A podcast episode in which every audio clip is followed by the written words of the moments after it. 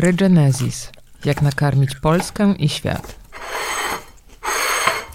Dzień dobry, ja nazywam się Paulina Januszewska, jestem dziennikarką krytyki politycznej e, i witam Was w specjalnej serii e, podcastu o książce Regenesis, e, Jak wyżywić świat nie pożerając planety.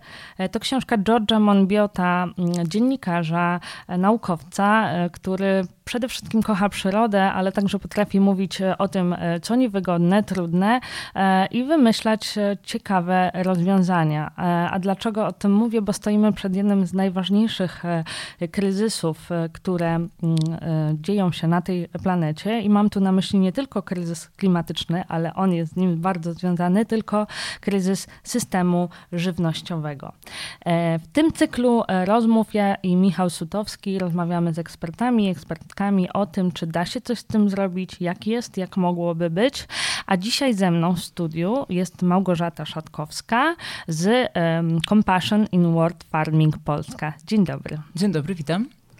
E, zacznę może od takiego pytania, które może wydawać się nieoczywiste, oczywiście tylko dla tych, którzy jeszcze książki nie czytali e, i którzy tym e, problemem, o którym dzisiaj będziemy mówić, nie zajmowali się do tej pory. Otóż o ile jesteśmy przyzwyczajeni do tego, że paliwa kopalne to jest taki ważny temat w kwestii przeszłości planety i że musimy od nich odchodzić i już nikt nie dziwi się, że mówimy na przykład Polska czy świat bez węgla i w ogóle bez paliw kopalnych do na przykład 2050 roku. No to jest mhm. nasz cel, zobaczymy jak będzie z jego realizacją. E, na razie jest nieciekawie, ale mamy tę wiedzę ugruntowaną. Natomiast bardzo niewiele mówi się o tym, że do emisji gazów cieplarnianych e, również doprowadza rolnictwo i daje się, że lobbyści e, systemu żywnościowego bardzo o to dbają, żebyśmy tak nie myślały i nie myśleli o tym tym zapominali. Jak myślisz, y, dlaczego? Mhm. Ja, ja myślę, że tak naprawdę są no, takie dwa główne powody, e, dlaczego, mówiąc wprost, tak trudno objąć umysłem cały ten system żywnościowy, e, sposób w jaki się odżywiamy, sposób w jaki produkujemy naszą żywność, e, skąd ta żywność pochodzi. No, pierwsza kwestia, no właśnie ta złożoność tego systemu. On jest bardzo skomplikowany. Zależności pomiędzy, mm, no tak naprawdę idąc od początku, pomiędzy produkcją, rolnictwem, pomiędzy hodowlą, hodowlą zwierząt, które są absolutnie kluczowe w, e, w całym tym systemie żywnościowym, transport, e, handel i tak dalej, no to jest trudny, trudny system, żeby zrozumieć wszystkie właśnie te zależności, jak to wszystko działa, ale mm, co gorsza, taka kwestia, że rozwiązywanie jednego problemu, który może wydawać się w ramach tego systemu, oczywiście, który może wydawać się, że ok, jeżeli sobie z nim poradzimy, no to wtedy zażegnamy ten być może kryzys tak, tego e, systemu żywnościowego, jak to określiłaś, co prawdopodobnie w tak właśnie skomplikowanym i złożonym systemie spowoduje, że mówiąc kolokwialnie, wyskoczą gdzieś indziej problemy, albo pogłębią się już istniejące kwestie, e, które bardzo mocno wpływają na kryzys klimatyczny w obrębie tego systemu żywnościowego.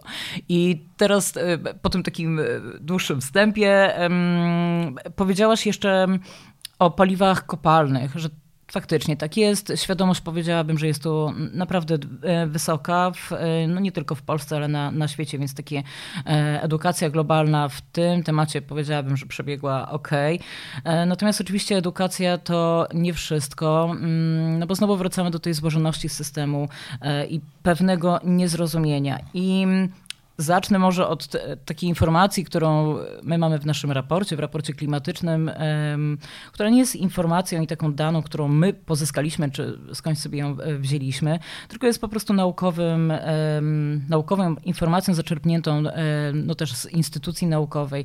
Nawet jeżeli powstrzymamy spalanie paliw kopalnych, e, gdyby miało się to wydarzyć dosyć szybko, a jednak wiadomo, że trochę czasu jeszcze potrzebujemy, ale jeżeli nie zmienimy przy tym naszej diety, czyli tego e, no, systemu żywnościowego, nie uda nam się powstrzymać wzrostu temperatury e, o 1,5% na OT2, to już będzie praktycznie niemożliwe. E, I teraz, jeżeli ktoś nas słucha, może przeżywa szok, jak słyszy taką informację, tak jak mówię, to jest informacja, no, w, która pojawia się na skutek oczywiście konkretnych wyliczeń, jakichś tam szacunków pewnej estymacji, której dokonali naukowcy, ale y, jeszcze raz do powtórzenia, nie uda nam się powstrzymać wzrostu temperatury, e, temperatur globalnych, jeżeli nie zmienimy sposobu, w jaki się odżywiamy.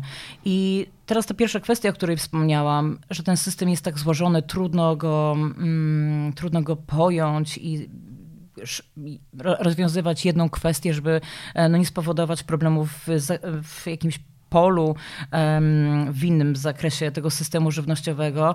E, I niezależnie od tego kontekstu lokalnego i tu takiego polskiego rozumienia e, katastrofy e, klimatycznej, no oczywiście, kiedy mówimy o systemie żywnościowym, to taki wątek najczęściej podnoszony i ten argument za tym, żeby no za bardzo nic nie zmieniać, nie zajmować się tym tematem, bo będzie gorzej, no to jest temat głodu. To tak naprawdę zawsze jest, jest wyciągany. Czy to politycy, swoją drogą no też dziennikarze często o to pytają, że co właściwie mamy zrobić, skoro ludzi przybywa, e, musimy ich wyżywić. I wydaje mi się, że to jest dobrym przykładem pokazania, mm, w jak dużym uproszczeniu e, jest nasza wiedza na temat systemu żywnościowego. My w tej chwili już jesteśmy w stanie wyżywić nawet 10 albo, e, no szacunki mówią, nawet o 14 miliardach ludzi w tym momencie, ponieważ produkujemy tak naprawdę dużo żywności, no, która głównie idzie dla zwierząt hodowlanych to jest właśnie coś, e, co, od czego najbardziej e, włos jeży się na głowie i takich mhm. statystyk, mm. które pokazują, że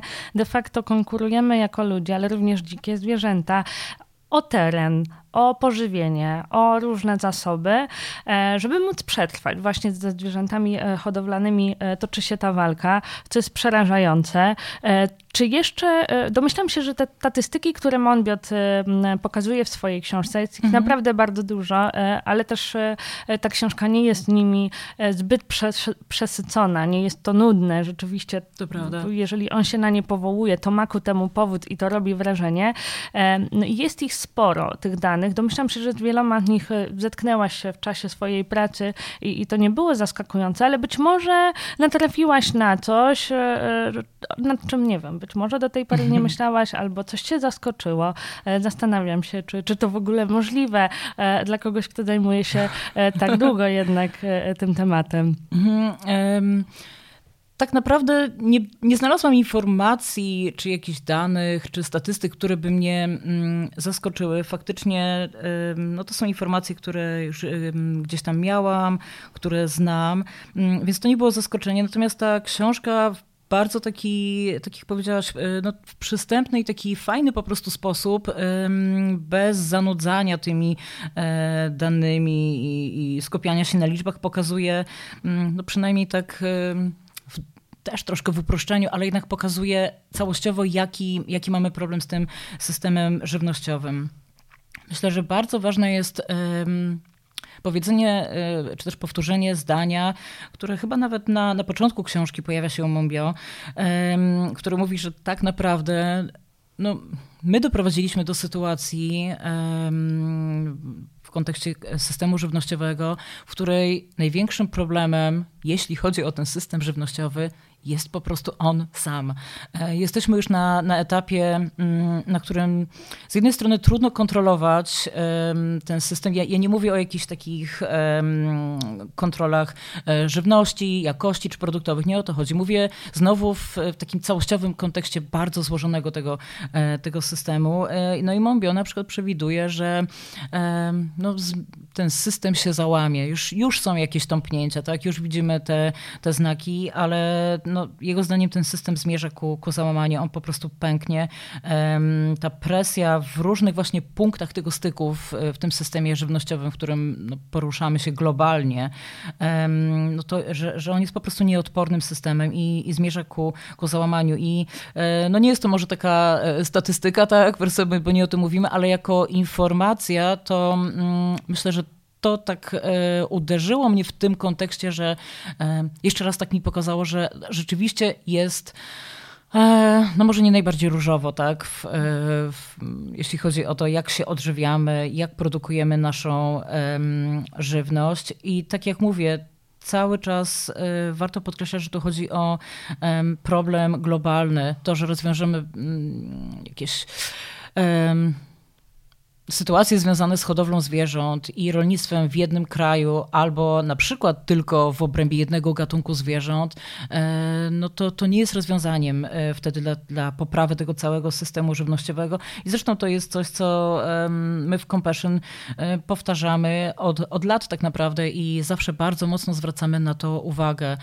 I ja też no, lubię tak mówić, że ten system żywnościowy należy czytać całościowo, z, widzieć te zwierzęta, mm, tę hodowlę przemysłową, e, antybiotykoporność, no dużo różnych kwestii. E, no nie można wyciągać jakby jednego, e, zajmować się tylko tym problemem i, i porzucić pozostałe to e, ten kryzys, o którym e, wspominasz, e, Monbiot porównuje do tego z 2008 roku kryzysu finansowego, mhm. z tym, że jak powiedział zresztą w wywiadzie przeprowadzonym przez Michała Szydowskiego i opublikowanym na łamach krytyki politycznej, no żywności nie da się wyprodukować na zapas, więc trudno jest tak. tutaj przeciwdziałać już teraz właśnie jakieś takie wprowadzać działania. Są to, są to ogromne wyzwania, ale ja bym jeszcze wróciła um, trochę do mitów, e, bo wspomniałaś mhm. o nich. Jednym z takich mitów, e, które bardzo często powielamy i które pojawiają się zawsze, gdy w debacie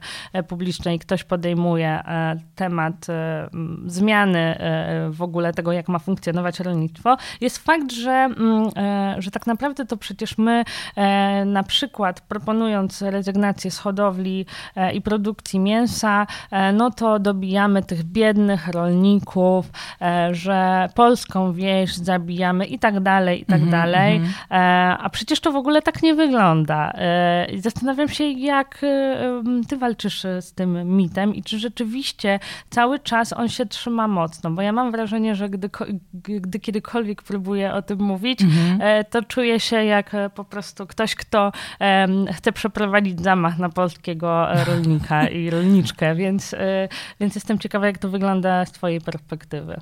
Bardzo się cieszę, że zadajesz to pytanie i podniosłaś ten wątek. E, rolnictwo w Polsce, mali rolnicy. Ja bym powiedziała tak. Absolutnie to są kluczowi aktorzy na, na arenie, na scenie tego systemu żywnościowego. E, no, produkują naszą żywność, hodują zwierzęta, które no niestety wciąż są e, spożywane w tak dużej ilości. Natomiast ja mam poczucie um, wzmocnione ostatnim zresztą śledztwem przeprowadzonym um, na poziomie Unii. Um, mówimy o śledztwie, które zostało przeprowadzone w odniesieniu do Copa Cogeca, czyli tej największej organizacji, która zrzesza no tak naprawdę w milionach, jeśli chodzi o hodowców i, i rolników. Natomiast śledztwo pokazało, że głos tych mniejszych rolników, tych drobnych rolników tak naprawdę nie jest w ogóle brany pod uwagę, on nie jest słyszany. I no, to, to, to, nie, to nie jest jakaś moja opinia. Tak jak mówię, to są wypowiedzi mm, o tych właśnie rolników, e, między innymi polskich, bo tu też zaangażowani byli polscy dziennikarze w to śledztwo, e, chociaż ono oczywiście dotyczyło wielu unijnych krajów. Więc polscy rolnicy jak najbardziej się wypowiadali, no tu bardzo krytycznie na temat organizacji, przypominam, która reprezentuje, no w teorii, tak, na pewno, e, reprezentuje ich interesy no, na arenie Unii unijnej, czyli na, na terenie e, tych 27 krajów e, wspólnotowych. E, twierdzą, że ich głos tam nie jest słyszany, nie jest brany pod uwagę. I nawet jeżeli no, wrócimy do tego wątku statystycznego i skupimy się troszkę na liczbach, w Polsce naprawdę mamy duży problem, jeśli chodzi o fermy przemysłowe, czyli mm, fermy, które w takiej, ponieważ nie ma definicji w polskim prawie, co to jest ferma przemysłowa, no to mówimy o takich instalacjach, które mogą potencjalnie szkodzić środowisku, na których zwierzęta zamykane są na stosunkowo niewielkiej przestrzeni, e, w dziesiątkach, czasem setkach, tysiącach zwierząt. I tych ferm w ostatnich kilku latach w Polsce przebywa dosłownie w setkach, w setkach sztuk. E, dwukrotnie zwiększyła się no, liczba tych ferm przemysłowych. Jeśli chodzi o drób, no Polska jest na pierwszym miejscu w produkcji drobiu, mówię cały czas w tym kontekście unijnym, a to rolnictwo przemysłowe, ta najbardziej intensywna hodowla zwierząt, no ona dosłownie zabija mniejsze, mniejsze fermy, mniejsze mm, hodowle. No to oczywiście znowu jest złożony mm, wątek, bo też pojawia się tu kwestia dopłat, także dla polskich rolników oczywiście dopłat, które w Unii są głównie, mm, czy są przyznawane po prostu od powierzchni fermy, czyli no, ten system po prostu po raz kolejny nie, widać, że nie jest dobrze zaprojektowany, ale też już abstrahując od tego śledztwa e, dziennikarskiego, bo czasem też słyszę oczywiście, że e, ktoś się czepia, że to było że to śledztwo może nie było obiektywne. No, śledztwo, jak, śledztwo no, to zresztą jest bardzo dobre śledztwo. Na naszej stronie też jest krótkie e, podsumowanie, co tam, co tam się ukazało. Natomiast sam e, komisarz e, Janusz Wojciechowski no, wielokrotnie podkreślał o tym, jak dosłownie w milionach na poziomie Unii tracimy te małe hodowle.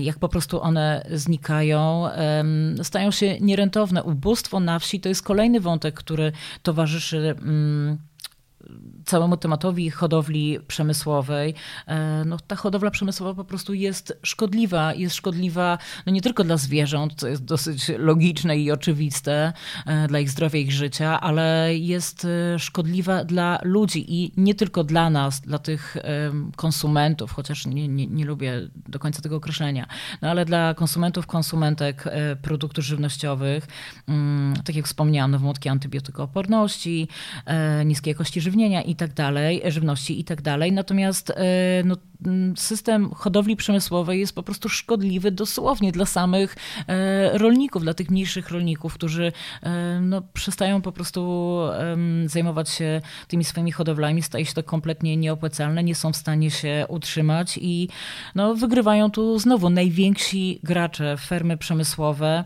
Mm, no, jest to zdecydowanie poważny, poważny problem. Co my staramy się w związku z tym zrobić? Oczywiście rozmawiamy z tymi mniejszymi hodowcami, staramy się wsłuchać w ich, e, w ich potrzeby, żeby zrozumieć, na czym polega problem, ale tak jak mówię, e, no, system produkcji e, zwierzęcej całkowicie do przebudowy, nie tylko w Polsce, ale do, w tym, też w tym szerszym kontekście, tak, zdecydowanie do przebudowy na poziomie unijnym i no, to są problemy rozpoznane, e, czy śledztwa, które, które się pojawiają w ostatnich miesiącach w tym temacie, czy nawet na poziomie mm, decydentów politycznych. Tak jak powiedziałam, oni też widzą ten problem, rozpoznają go i, i mówią o nim. Wspomniałaś o antybiotykooporności. E, to jest też ważny temat, bo okazuje się, że konkurujemy e, ze zwierzętami hodowlanymi nie tylko e, o mm, pożywienie czy teren, mhm. ale również o leki. Czy mogłabyś trochę więcej na ten temat powiedzieć? Mhm. Teraz jesteśmy w takim też ciekawym momencie, bo trwa Światowy Tydzień Wiedzy o Antybiotykach. Kilka dni temu był też Europejski Dzień dzień e, tej, tej, wiedzy czy świadomości na temat antybiotyków, e, tak jak powiedziałaś, coś, co może wydać się komuś absurdalne, jak, jak nas słucha i, i usłyszał, że konkurujemy ze zwierzętami antybiotyki, co to znaczy? No, znaczy to tyle, że w podajemy zwierzętom w hodowli, świniom zwłaszcza, czy, czy właśnie e, kurom, kurczaków, e, kurczakom, przepraszam, więcej antybiotyków niż podajemy ludziom, e, żeby ich leczyć w Polsce. Dane zresztą niestety są znowu bardzo zbliżone, te statystyki, jeśli chodzi o kontekst europejski, o kontekst też globalny. Trzy czwarte naszych antybiotyków idzie właśnie do, do hodowli, no głównie przemysłowej, przemysłowych. W tych hodowlach przemysłowych e, taką wysoką podażą antybiotyków maskuje się przede wszystkim mm, no właśnie niski dobrostan, e, czyli tak no dosłownie po prostu e, złą złą jakość na tych fermach i to, jak zwierzęta są hodowane, e, no, no po prostu jak maszyny tak naprawdę, traktowane jak, jak produkty, które, które zamieniają się w, w to, co potem ląduje na, na naszych talerzach. My mamy nawet taką kampanię, która ma znamienną nazwę Ocalmy nasze, ratujmy nasze antybiotyki. E, prowadzimy ją też globalnie, Save Our Antibiotics. E, no i też pamiętam, jak, jak startowaliśmy z tą kampanią kilka lat temu w Polsce, niektórzy się dziwili i, i, właśnie trochę w odniesieniu do tego, co powiedziałaś, że konkurujemy ze zwierzętami antybiotyki, też pytali mnie, ale co to znaczy ratujmy nasze antybiotyki? Przecież wy się zajmujecie zwierzętami hodowlanymi. To o, o co chodzi? Jak wy chcecie ratować nasze antybiotyki? I też, no mówię, już było lata temu, natomiast ten kontekst antybiotykooporności znowu z jednej strony rozpoznany przez instytucje, decydentów politycznych, a z drugiej strony no, problem trwa. E, wydaliśmy raport e, teraz w tym tygodniu, także można go znaleźć na naszej stronie, na temat antybiotyków i jak kwestia antybiotykooporności połączona jest z hodowlą przemysłową zwierząt. No, na jednej z początkowych stron, chyba druga czy trzecia strona, jest tabelka, no i Polska jest na drugim miejscu, jeśli chodzi o europejskie zużycie antybiotyków, no właśnie w hodowli zwierząt. E, problem jest o tyle ważną kwestią i, i, powinniśmy się tym interesować i powinniśmy naciskać na, na polityków i polityczki, żeby zajęli się tym tematem na poważnie i próbowali tu znaczy, nawet nie tyle, że próbowali, ale żeby coś e, zmienili. No chodzi o nasze, o nasze zdrowie. Te bakterie e, oporne na antybiotyki, oczywiście one mutują, jeszcze to, ta oporność e, no, postępuje. No, trzeba pamiętać, że tak naprawdę od lat 60., 70. nie przybywa nam za bardzo antybiotyków, nie wynaleźliśmy nowych. No, też mamy coś takiego jak antybiotyki ostatniej szansy, krytycznie ważne antybiotyki i to są te używane w, no, już najsilniejsze, jakie mamy. Poza nimi już, już nie jesteśmy w stanie na tę chwilę wytworzyć e, kolejnych i one też stają się coraz mniej skuteczne. No przecież to jest e, gigantyczny problem, jak się nad tym zastanowić i e, ja myślę, że jeżeli ktoś nas słucha, Tak próbuję przełożyć, czym jest ta antybiotykooporność, bo czasem też y, jestem pytana, jaki jest związek zwierzęta i my, i to podawanie y, zwierzętom tak dużej liczby antybiotyków. Podejrzewam, że może nie każdy z nas, ale większość z nas albo była sama w sytuacji, albo miała sytuację wśród znajomych czy w rodzinie, gdzie przykładowo zapalenie płuc, tak, ktoś dostał jeden antybiotyk, a potem on, i ten antybiotyk nie zadziałał, tak, więc, e, więc poszedł jeszcze raz do lekarza, dostał drugi antybiotyk i mi się zdarzyło, że moja znajoma dostała trzy różne antybiotyki i dopiero ten trzeci antybiotyk, no mówiąc kolokwialnie, zaskoczył, tak, on zadziałał, ale to jest właśnie między innymi efekt tej antybiotykooporności, że antybiotyki, te takie dosyć podstawowe, stają się nieskuteczne. E, I tak jak powiedziałam, no, trzeci antybiotyk, który dopiero zadziałał, nie mamy już silniejszych antybiotyków niż te krytycznie ważne antybiotyki. To są problemy, o których jeszcze wciąż e, wiele e, i wielu z nas nie słyszało i nie zdaje sobie z nich sprawy, mm, ale założyciel e, Compassion in World Farming rzeczywiście widział pewne zagrożenia mhm. już ponad 50 lat temu, kiedy ta organizacja powstała. Tutaj polski oddział ma lat 10 tak. w tym roku, więc też mamy okrągłą rocznicę, warto o tym mówić, ale chciałabym chciałabym, e, żebyś e, opowiedziała więcej o tym, e, jak, jak ta organizacja powstała i jak to możliwe, że już wtedy, w, mhm. pod koniec lat pod koniec lat 60 jeden z rolników e, e, w Wielkiej Brytanii tak. E, stwierdził, że nie, nie idę w to, co wszyscy, nie idę w mainstream, muszę tutaj tupnąć nogą i, i zrobić coś innego. Wydaje się to bardzo nietypowe mm, i godne podziwu, ale jestem ciekawa, czy możesz nam tutaj opowiedzieć coś więcej na ten temat. Jasne, bardzo chętnie. Jak słuchałam twojego pytania i tego krótkiego wstępu na temat, na temat compassion, to cały czas się uśmiechałam. Ja w ogóle bardzo lubię tę um, historię, e, ponieważ ona pokazuje w, tak naprawdę, jak jedna osoba zaczynając zmianę od siebie, um, prowadzi do większych zmian i tu nie przesadzę, jeżeli powiem, że do zmian globalnych.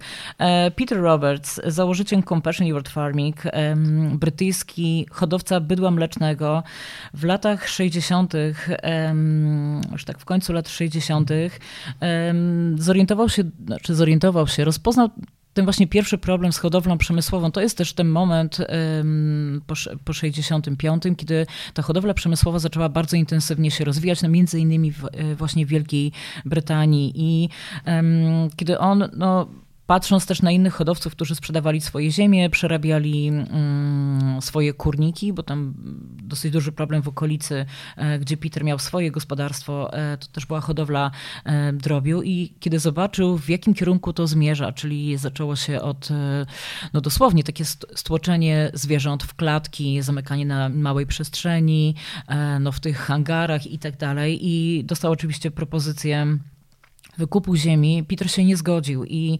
um, zaczął po prostu protestować. On sam jeden, no, potem ze swoją żoną zaczęli protestować przeciwko um, takim praktykom, które zauważyli w swojej okolicy, czyli to działanie lokalne um, się rozpoczęło. No, w swoim domu zaczęli pisać pierwsze, mm, pierwsze ulotki na ten temat i e, no, po prostu chodzić po okolicznych gospodarstwach, oczywiście rozmawiać z ludźmi, rozdawać te ulotki i nagłaśniać problem, ten określali to jako e, co czeka nas w przyszłości, co, co się stanie z naszymi gospodarstwami, co się stanie z naszymi dziećmi i naszymi zwierzętami, jeżeli pójdziemy tą, tą drogą.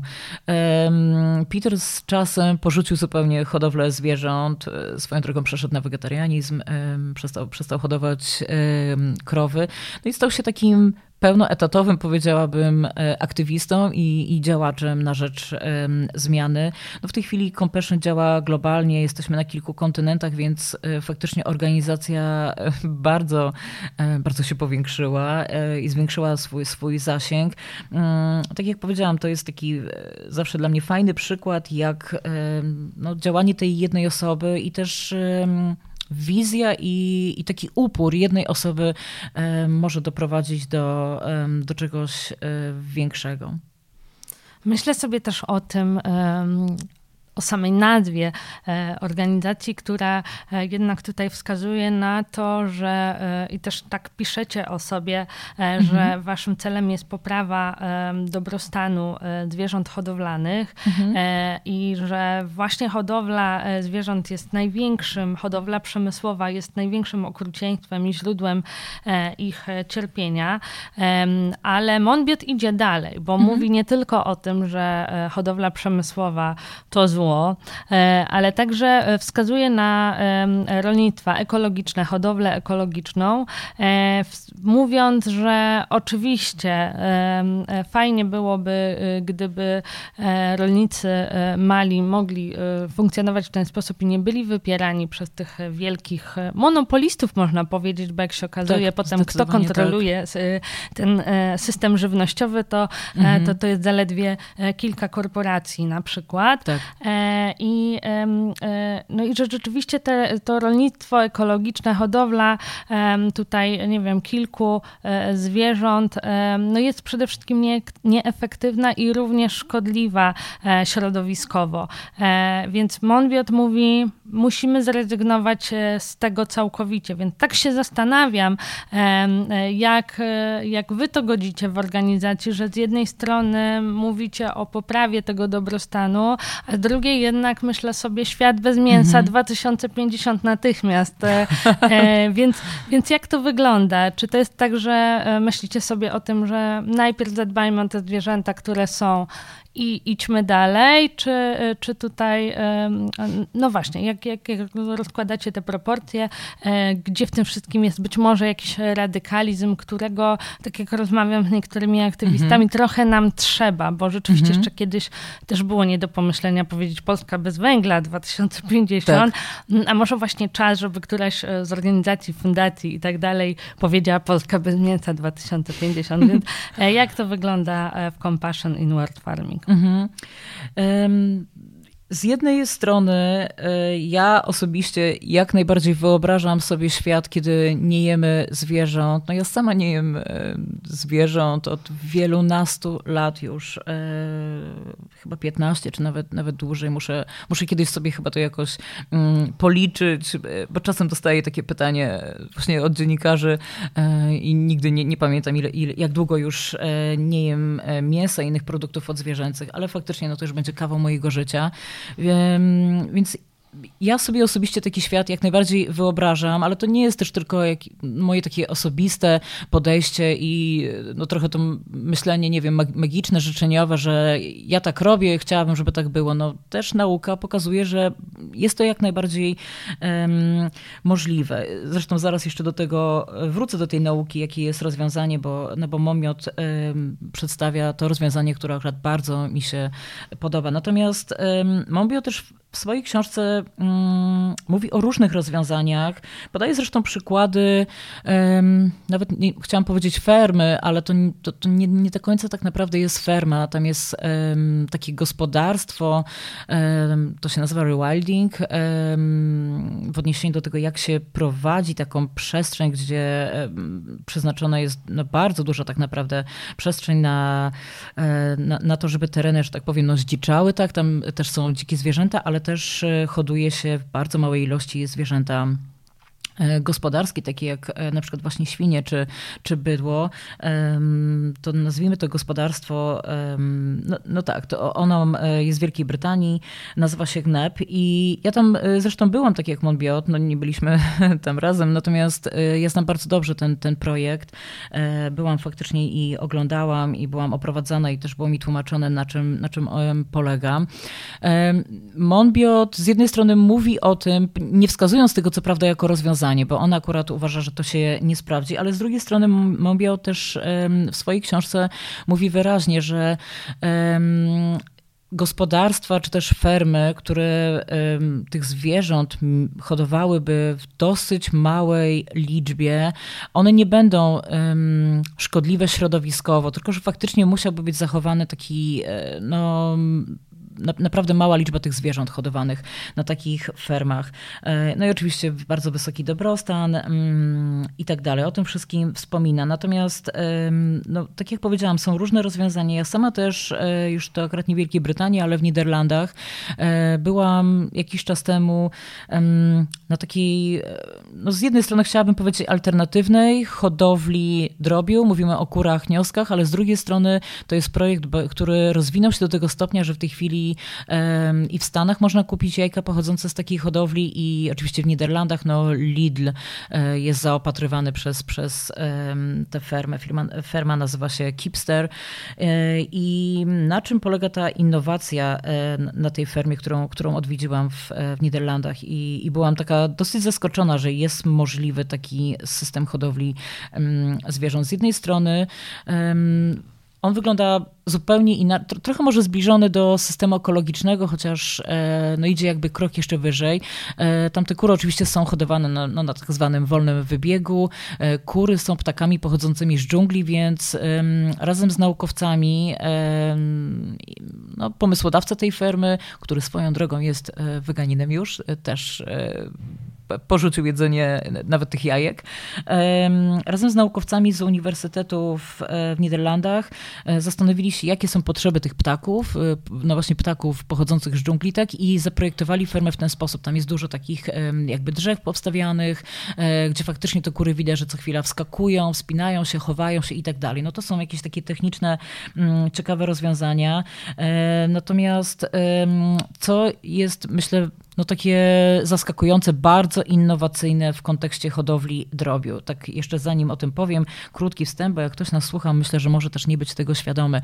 Mm, ludzie wymyślili sobie tak, że mm, jeżeli mamy ptaki, mamy te kury, to okej, okay, oczywiście one znoszą jajka, jajka będziemy jeść, ale ludzie też chcą jeść mięso kur, ale nie chcą jeść mięsa od kur pochodzących właśnie z, e, od kurniosek, tak? czyli kur, które znoszą nasze jajka, ponieważ te kury zazwyczaj z tej hodowli przemysłowej są tak wymęczone, że to, e, no to mięso po prostu nie jest dobrej jakości, nie, nie nadawałoby się i nie, nie zadowala klienta.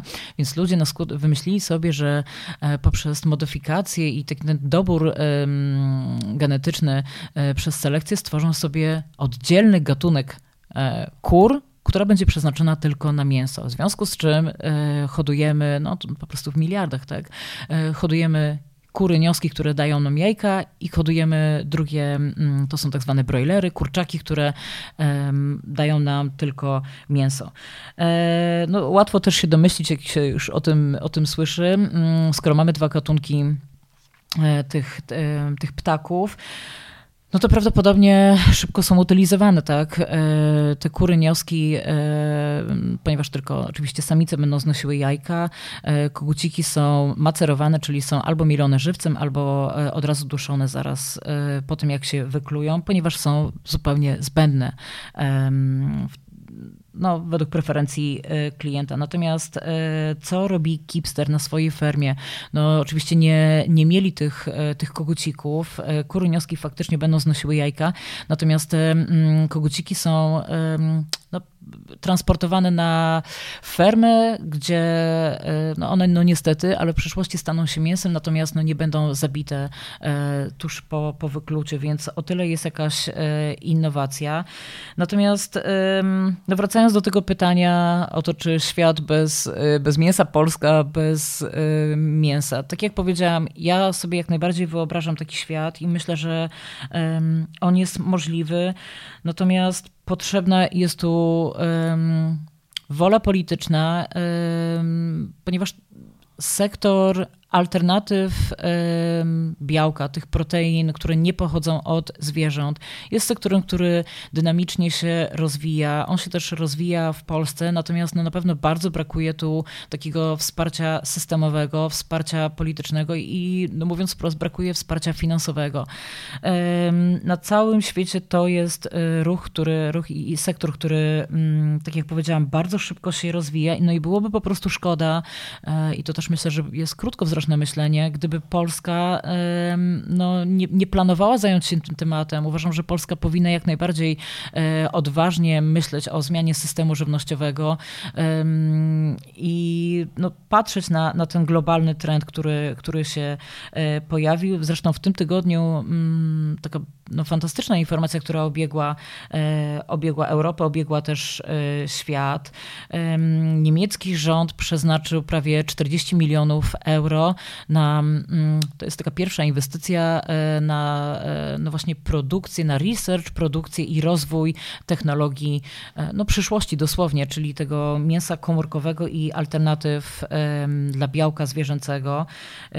No, ja bym sobie życzyła, żeby Polska szła tym podobnym tropem i żeby też duże budżety były przeznaczane na, mm, na takie działania. Myślę, że to jest Dosłownie, to jest rolnictwo przyszłości. Zresztą Monbio e, bardzo zachęcam do, do przeczytania, zwłaszcza tego rozdziału. E, w fantastyczny sposób opisuje mm, jak on też widzi świat przyszłości. Bardzo mocno podkreśla i stawia na, na fermentację e, precyzyjną. Tak naprawdę nie jest to nowy koncept. Fermentujemy jedzenie od, od, bardzo, od bardzo dawna. Natomiast to idzie troszkę mm, dalej, to wykorzystanie różnych mikroorganizmów doprowadza, no w tej chwili oczywiście już, już e, te próby trwają. Mombio zresztą wspomina, że jadł omlety zrobione w ten sposób przy wykorzystaniu tej fermentacji precyzyjnej, że taki omlet był przepyszny, e, no niczym nie ustępował temu omletowi, który znamy z, no, z takiej wersji jajecznej, tak, z wykorzystaniem jajek. E, ja nie miałam co prawda okazji spróbować jeszcze takiego pożywienia, ale tak jak y, czytam, czy, czy gdzieś tam y, oglądałam wywiady z osobami, które, które faktycznie próbowały, to, to są zachwycone. I tu też bardzo jest fajny wątek i taki niezwykle ciekawy, który podnosi Mombio i e, to też pokazuje no, pewne możliwości. Mombio snuje taką wizję, jak byśmy mogli produkować to jedzenie, jeżeli właśnie będą odpowiednie fundusze, jeżeli e, kraje będą inwestowały w rozwój tej metody precyzyjnej fermentacji, że tak naprawdę e, będziemy mogli wymyśleć każde jedzenie, będziemy mogli nadawać mu e, smak, kształt. Ja się absolutnie zgadzam z tym, że na tym etapie, nawet na tym etapie rozwoju ludzkości, nawet trudno jakby rozmawiać, co będziemy jedli, bo będzie tak dużo możliwości i to są e, no, takie kwestie i, i, i, rzeczy, produkty, których w tej chwili prawdopodobnie jeszcze nawet nie znamy. E, no, kiedyś ludziom, e, którzy, mm, nie wiem, no, zobaczyli gdzieś tam bydło uciekające, potem udomowili te, to, to bydło, no też pewnie im się na początku nie wyobrażało, że będą jeść podpuszczkowe sery, tak, sery pleśniowe i tak dalej, i tak dalej, więc ta wizja może brzmi brzmieć jak jakiś science fiction, ale ja myślę, że to nie jest science fiction i przy, tak jak powiedziałam, przy odpowiednim mm, finansowaniu, wsparciu, e, no to jest wizja, która po prostu stanie się rzeczywistością. Tak sobie myślę, e, jaką rolę e, mają tak naprawdę w tym wszystkim organizacje takie jak wasza. To znaczy, e, lubimy mówić o tym, że kropla drąży skałę.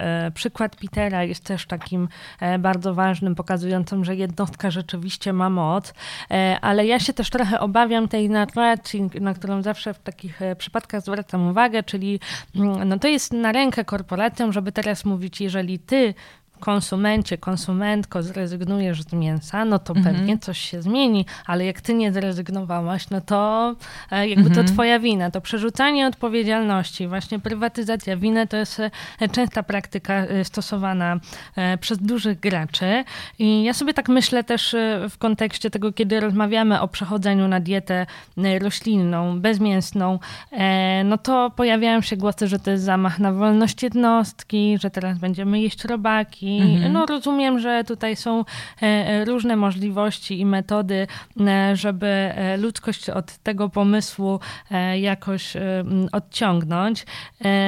A ja bym chciała właśnie zapytać o to, jak, jak ty sobie radzisz z tą e, retoryką. Mm, czy e, właśnie bardziej naciskasz na to, żeby uświadamiać ludzi, edukować e, i pokazywać im, jak ta dieta mięsna wpływa na przykład na ich zdrowie i tak dalej, żeby w nich się rodziła ta świadomość i potem zmiana polityczna, no bo to oni wybierają mhm. polityków i tak dalej, rządy.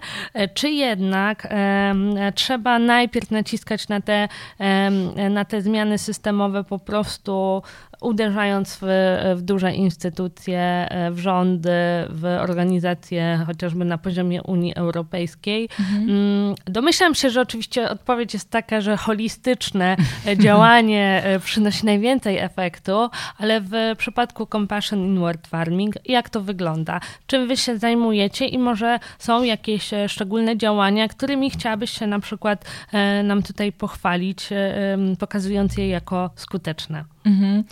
Um, ja może zacznę od tego, że ślad węglowy, no bo o tym dzisiaj rozmawiamy. To jest absolutnie nieodłączny wątek w kontekście systemu żywnościowego, który ocenia się, że generuje nawet 18% gazów cieplarnianych.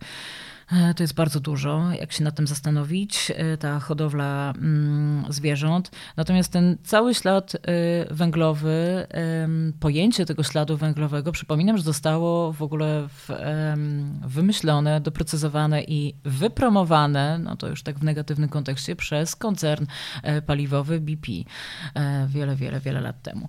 Mm, I oczywiście było to częścią też ich strategii, żeby tak jak powiedziało się, podniosło wątek, żeby mm, odpowiedzialność za to, co się dzieje, za kryzys klimatyczny, postępujący, zmiany klimatyczne i no, produkcję tych gazów cieplarnianych, żeby przerzucić na e, obywateli, obywatelki. Ja osobiście nie jestem fanką i nie lubię takiej e, retoryki i, tego no dosłownie zrzucania wszystkiego na ludzi, e, żeby ludzie rozwiązywali problemy, które są problemami złożonymi, tak jak mówiłyśmy na początku, i są przede wszystkim problemami systemowymi. Mm, oczywiście tak, e, nie można przecenić tych działań każdego z nas i indywidualnych wyborów.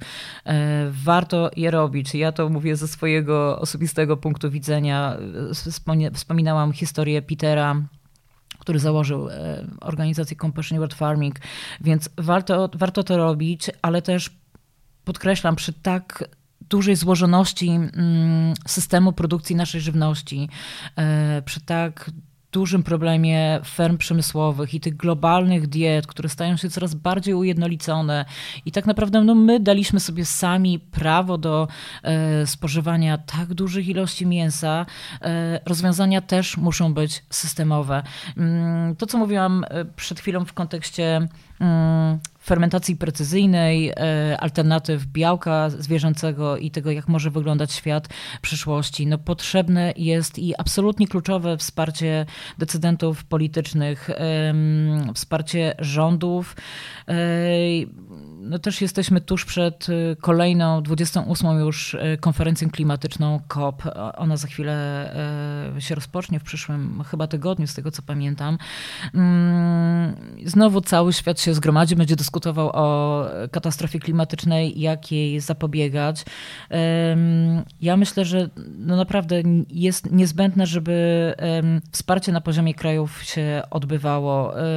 Problem musi zostać rozpoznany, nie może być cały czas spychany na margines e, i ignorowany, lub też tak jak już wspominałam, wyciąganie z, z tego całego systemu e, jakiegoś jednego problemu, skupianie się na nim, próbowanie go rozwiązać. I jeszcze na przykład właśnie mówienie do ludzi, żeby oni rozwiązali ten problem, e, żeby zmieniali swoje nawyki żywieniowe i to wystarczy to pomoże i będzie fantastycznym rozwiązaniem i pomoże no, tym zwierzętom, które no, przecież rodzą się i umierają cały czas na fermach, tak jak teraz rozmawiamy, no przecież to się cały czas dzieje. Więc tak, warto podejmować te indywidualne decyzje, ograniczać spożycie mięsa, mm, starać się jeść roślinie i tak dalej. Natomiast rozwiązania systemowe, no i te holistyczne, o których y, wspominałaś, są niezbędne i my to w, w Compassion jak najbardziej też um, robimy. Um, z jednej strony współpracujemy um, to znaczy szukamy dialogu z tymi mniejszymi rolnikami, szukamy dialogu z decydentami politycznymi i z firmami spożywczymi, e, którym no, doradzamy, pokazujemy, no czasem tak dosłownie, co można zrobić, jak można um, zmienić coś w łańcuchu dostaw, albo um, naświetlamy problem, który dotyczy danego gatunku zwierząt um, i wspominamy o tym bardzo niskim dobrostanie, na przykład w danym typie hodowli. Więc to są na pewno ważne ważne rozmowy i każda z nich daje efekt. Trudno powiedzieć, y, która z tych w tym takim trójkącie, tak, holistycznym, edukowanie społeczeństwa, decydenci polityczni i biznes co jest najbardziej może skuteczne, co daje największy efekt, ponieważ to się zmienia. Powiedziałabym, że to jest takie dosyć e, płynne. No, czasami widzimy w pewnym temacie i pojawia się trend na przykład biznesowy na skutek także rozmów z takimi organizacjami jak nasza.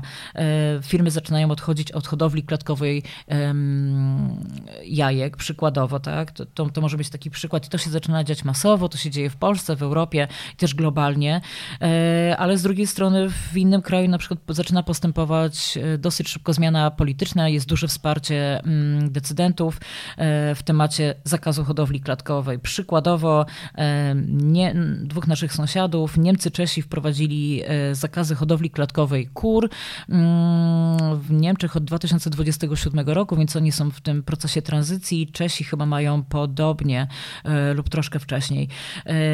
Słowacja, nasz kolejny sąsiad, która też no, podpisała swoiste takie moratorium, czy też umowę pomiędzy producentami a rządem, że nie będą powstawały takie, takie fermy z hodowlą klatkową kur. E, więc na przykład tu widać ten duży progres. E, no w kontekście Polski no u nas nie ma takich na tę chwilę projektów, ale zapytałaś mnie, co, co robimy w Compassion mm, z takich działań. No to myślę, że to jest dobrym przykładem. No te, ta hodowla klatkowa, jedna z kampanii, którą prowadzimy od początku w Polsce, chociaż ona chyba wystartowała wystartowała 2014, z tego co pamiętam, no to 9 lat, no za chwilę już 10, y, od kiedy ją prowadzimy. Mm, no zakazu hodowli klatkowej w Polsce wciąż nie mamy, pracujemy nad nim. Y, pewne postępy zadziały się w sektorze no, tym spożywczym. Rzeczywiście bardzo dużo firm zadeklarowało, że odejdzie od takiej hodowli. Mm, I też mam poczucie, że społeczeństwo jest absolutnie wyedukowane w tym temacie e, po tylu latach, rozpoznają ten problem, znają go. Jakiś czas temu w, w lipcu, czyli latem, złożyliśmy wspólnie z drugą organizacją, z otwartymi klatkami, petycję do mm, ministra rolnictwa e, pod petycją, która właśnie dotyczy mm, no, wycofania hodowli klatkowej w Polsce podpisało się ponad ćwierć miliona Polek i Polaków. To jest w ogóle największa petycja, jeśli chodzi o zwierzęta hodowlane w Polsce, która kiedykolwiek uzyskała tak duże poparcie.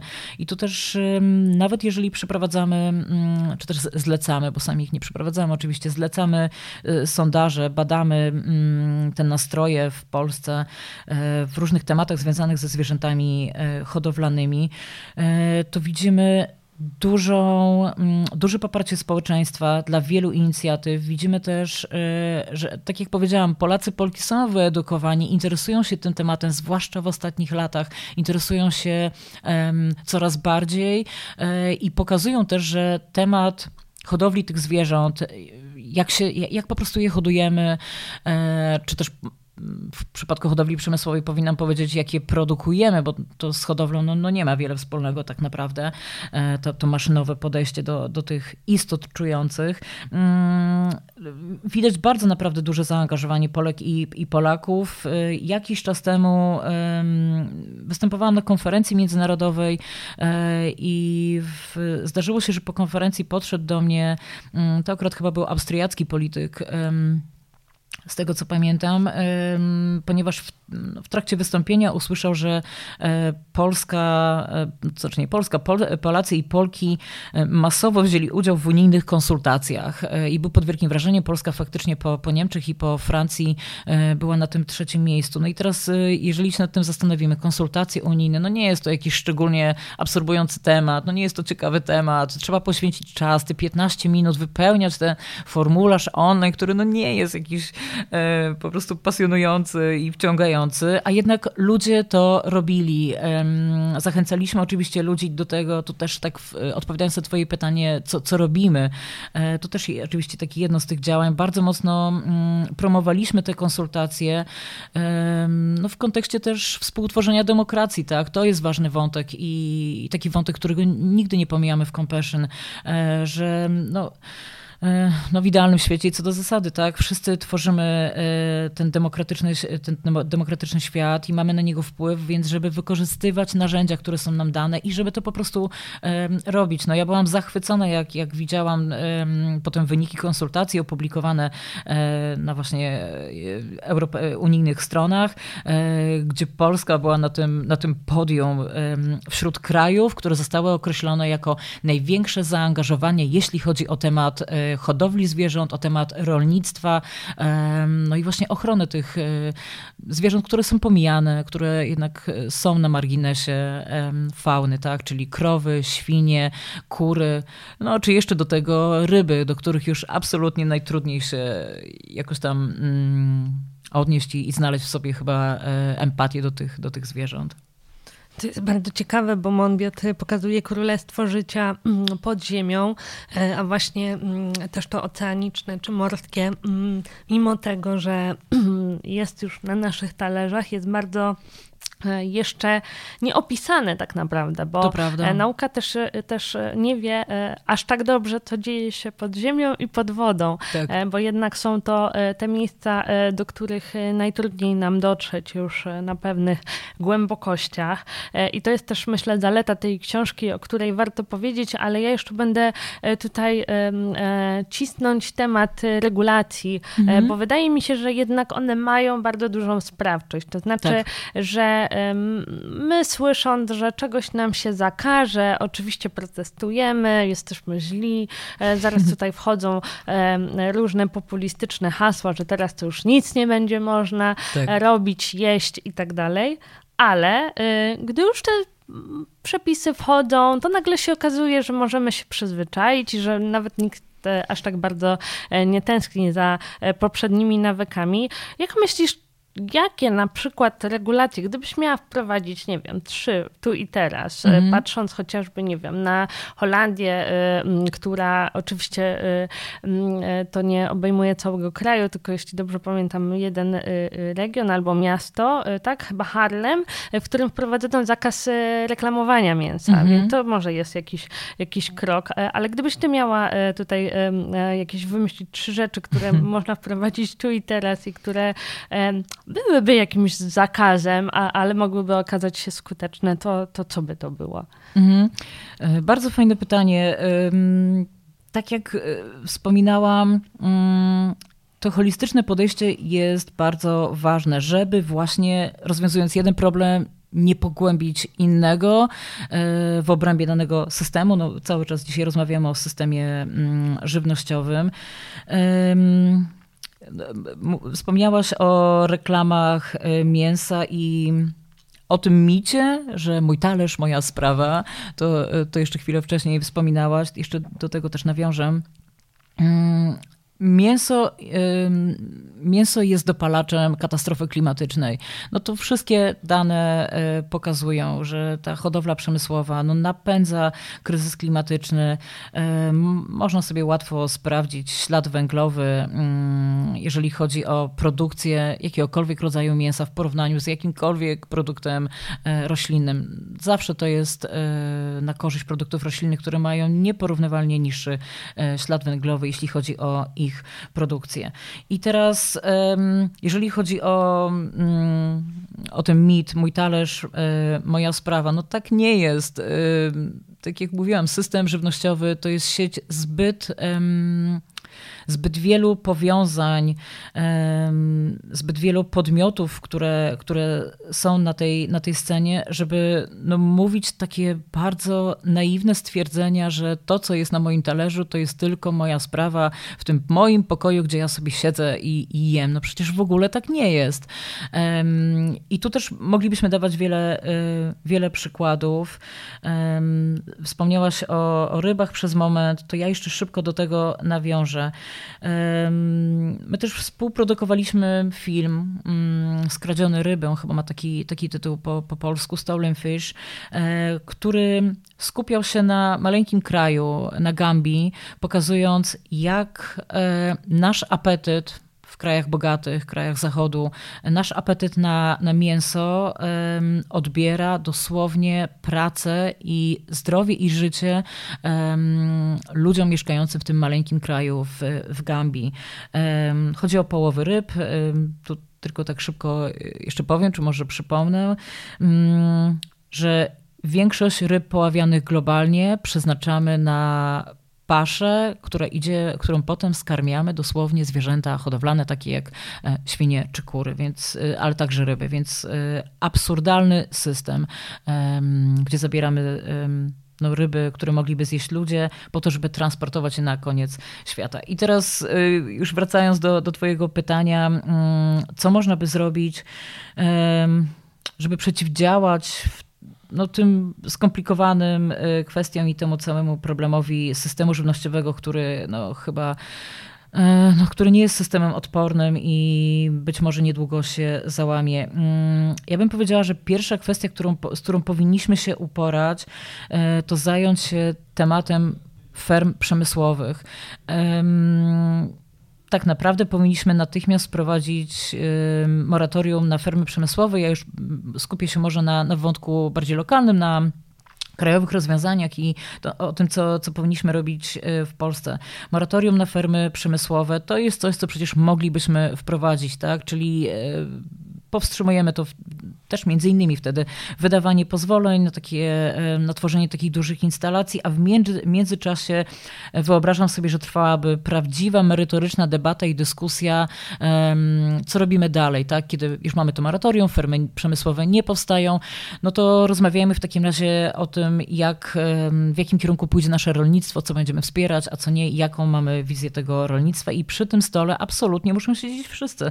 Muszą tam być e, rolnicy, muszą tam być Mm, eksperci, muszą tam być akademicy, muszą tam być politycy. No nie wyobrażam sobie inaczej e, takiej debaty, ale tak jak powiedziałam, fermy przemysłowe to jest wątek, którym natychmiast powinniśmy się mm, zająć i w ramach tych ferm przemysłowych kolejna rzecz, którą można by zrobić i tak naprawdę można by to zrobić zanim by się pojawiło takie e, moratorium, no moglibyśmy w Polsce i powinniśmy wprowadzić jednak zakaz hodowli klatkowej e, wszystkich gatunków zwierząt, które które hodujemy na potrzeby naszych talerzy, czyli do, do spożycia, kury, świnie i tak dalej. Mm, to jest coś, co jak najbardziej można zrobić. Już to wspominałam dzisiaj podczas naszej rozmowy. No, inne kraje wprowadzają takie zakazy. W Unii Europejskiej już tych zakazów trochę jest. I no, hodowla klatkowa nigdy nie zapewni dobrostanu zwierzętom, więc to, to jest wiadome. Mm, natomiast może kolejne rozwiązanie, ale nie w temacie tego, czego powinniśmy zakazywać, tylko ja bym powiedziała, co powinniśmy wpisać na listę tych priorytetowych rzeczy. Powinniśmy um, inwestować, przyglądać się naprawdę z dużą uwagą tematowi e, tych alternatyw białka odzwierzęcego powinniśmy spoglądać na fermentację precyzyjną, ale też na e, inne, inne metody, które są, e, które wchodzą w zakres tych e, wytwarzania tego mm, no, białka alternatywnego, mięso komórkowe. To jest kolejny wątek i kolejny temat, którym, któremu warto się przyglądać. Na całym świecie kilkaset e, startupów, kilkaset firm skupia się w tej chwili na tym wątku, produkują, inwestują. To ma też oczywiście olbrzymi potencjał, jeżeli chodzi o no tak naprawdę zatrudnienie ludzi i jeżeli mówimy o hodowlach przemysłowych, czy nawet hodowlach w szerszym kontekście, to ja sobie e, nie wyobrażam, że mówimy, mm, ok, zamykamy jeden dział i po prostu porzucamy tych ludzi, nie zajmujemy się tym wątkiem, co nas to obchodzi. No nie, ja e, wyobrażam sobie, że kiedy przy stole siedzą wszyscy interesariusze, no to rozwiązania właśnie zmierzają ku temu, że jeżeli zmieniamy kierunek naszego rolnictwa, rozwoju i tego, jak będziemy hodować te zwierzęta, być może czy w ogóle będziemy je hodować tak w świecie przyszłości, mm, przy tym stole, kiedy siedzą wszyscy, wszyscy jesteśmy w stanie wypracować e, rozwiązania, które mm, które pomogą e, tak naprawdę e, wszystkim. E, no to jest coś, co bardzo bym chciała widzieć, taką właśnie debatę, merytoryczną debatę publiczną, która odbywałaby się z udziałem wszystkich aktorów, no ponieważ na tę chwilę mm, tak pytałaś mnie o doświadczenia z mojej pracy i tej, tych działań, które faktycznie już od wielu, wielu lat prowadzę w Polsce. Tak naprawdę nie ma prawdziwej debaty przy stole, gdzie siedzieliby wszyscy interesariusze, osoby, które są kluczowe w danym wątku czy w danym sektorze. Bardzo często, jeżeli są prowadzone jakieś rozmowy polityczne, mm, to na przykład ja, jako przedstawicielka organizacji, jako ekspertka tu w tym temacie dowiaduję się już post factum, że takie rozmowy trwały, e, nie zostaliśmy na nie zaproszeni. Co więcej, jak sprawdzam z kolegami i koleżankami, e, z innych organizacji, mm, nie tylko nawet związanych e, z tematem zwierząt gospodarskich. Czasami też mówimy o tematach, e, no, o takich organizacjach, które są organizacjami rzeczniczymi, które zajmują się wątkami mm, obrony demokracji i tak dalej. I też pytam, czy byliście zaproszeni i podobno dostaję odpowiedź. Nikt nie wiedział, że takie spotkanie się odbywało.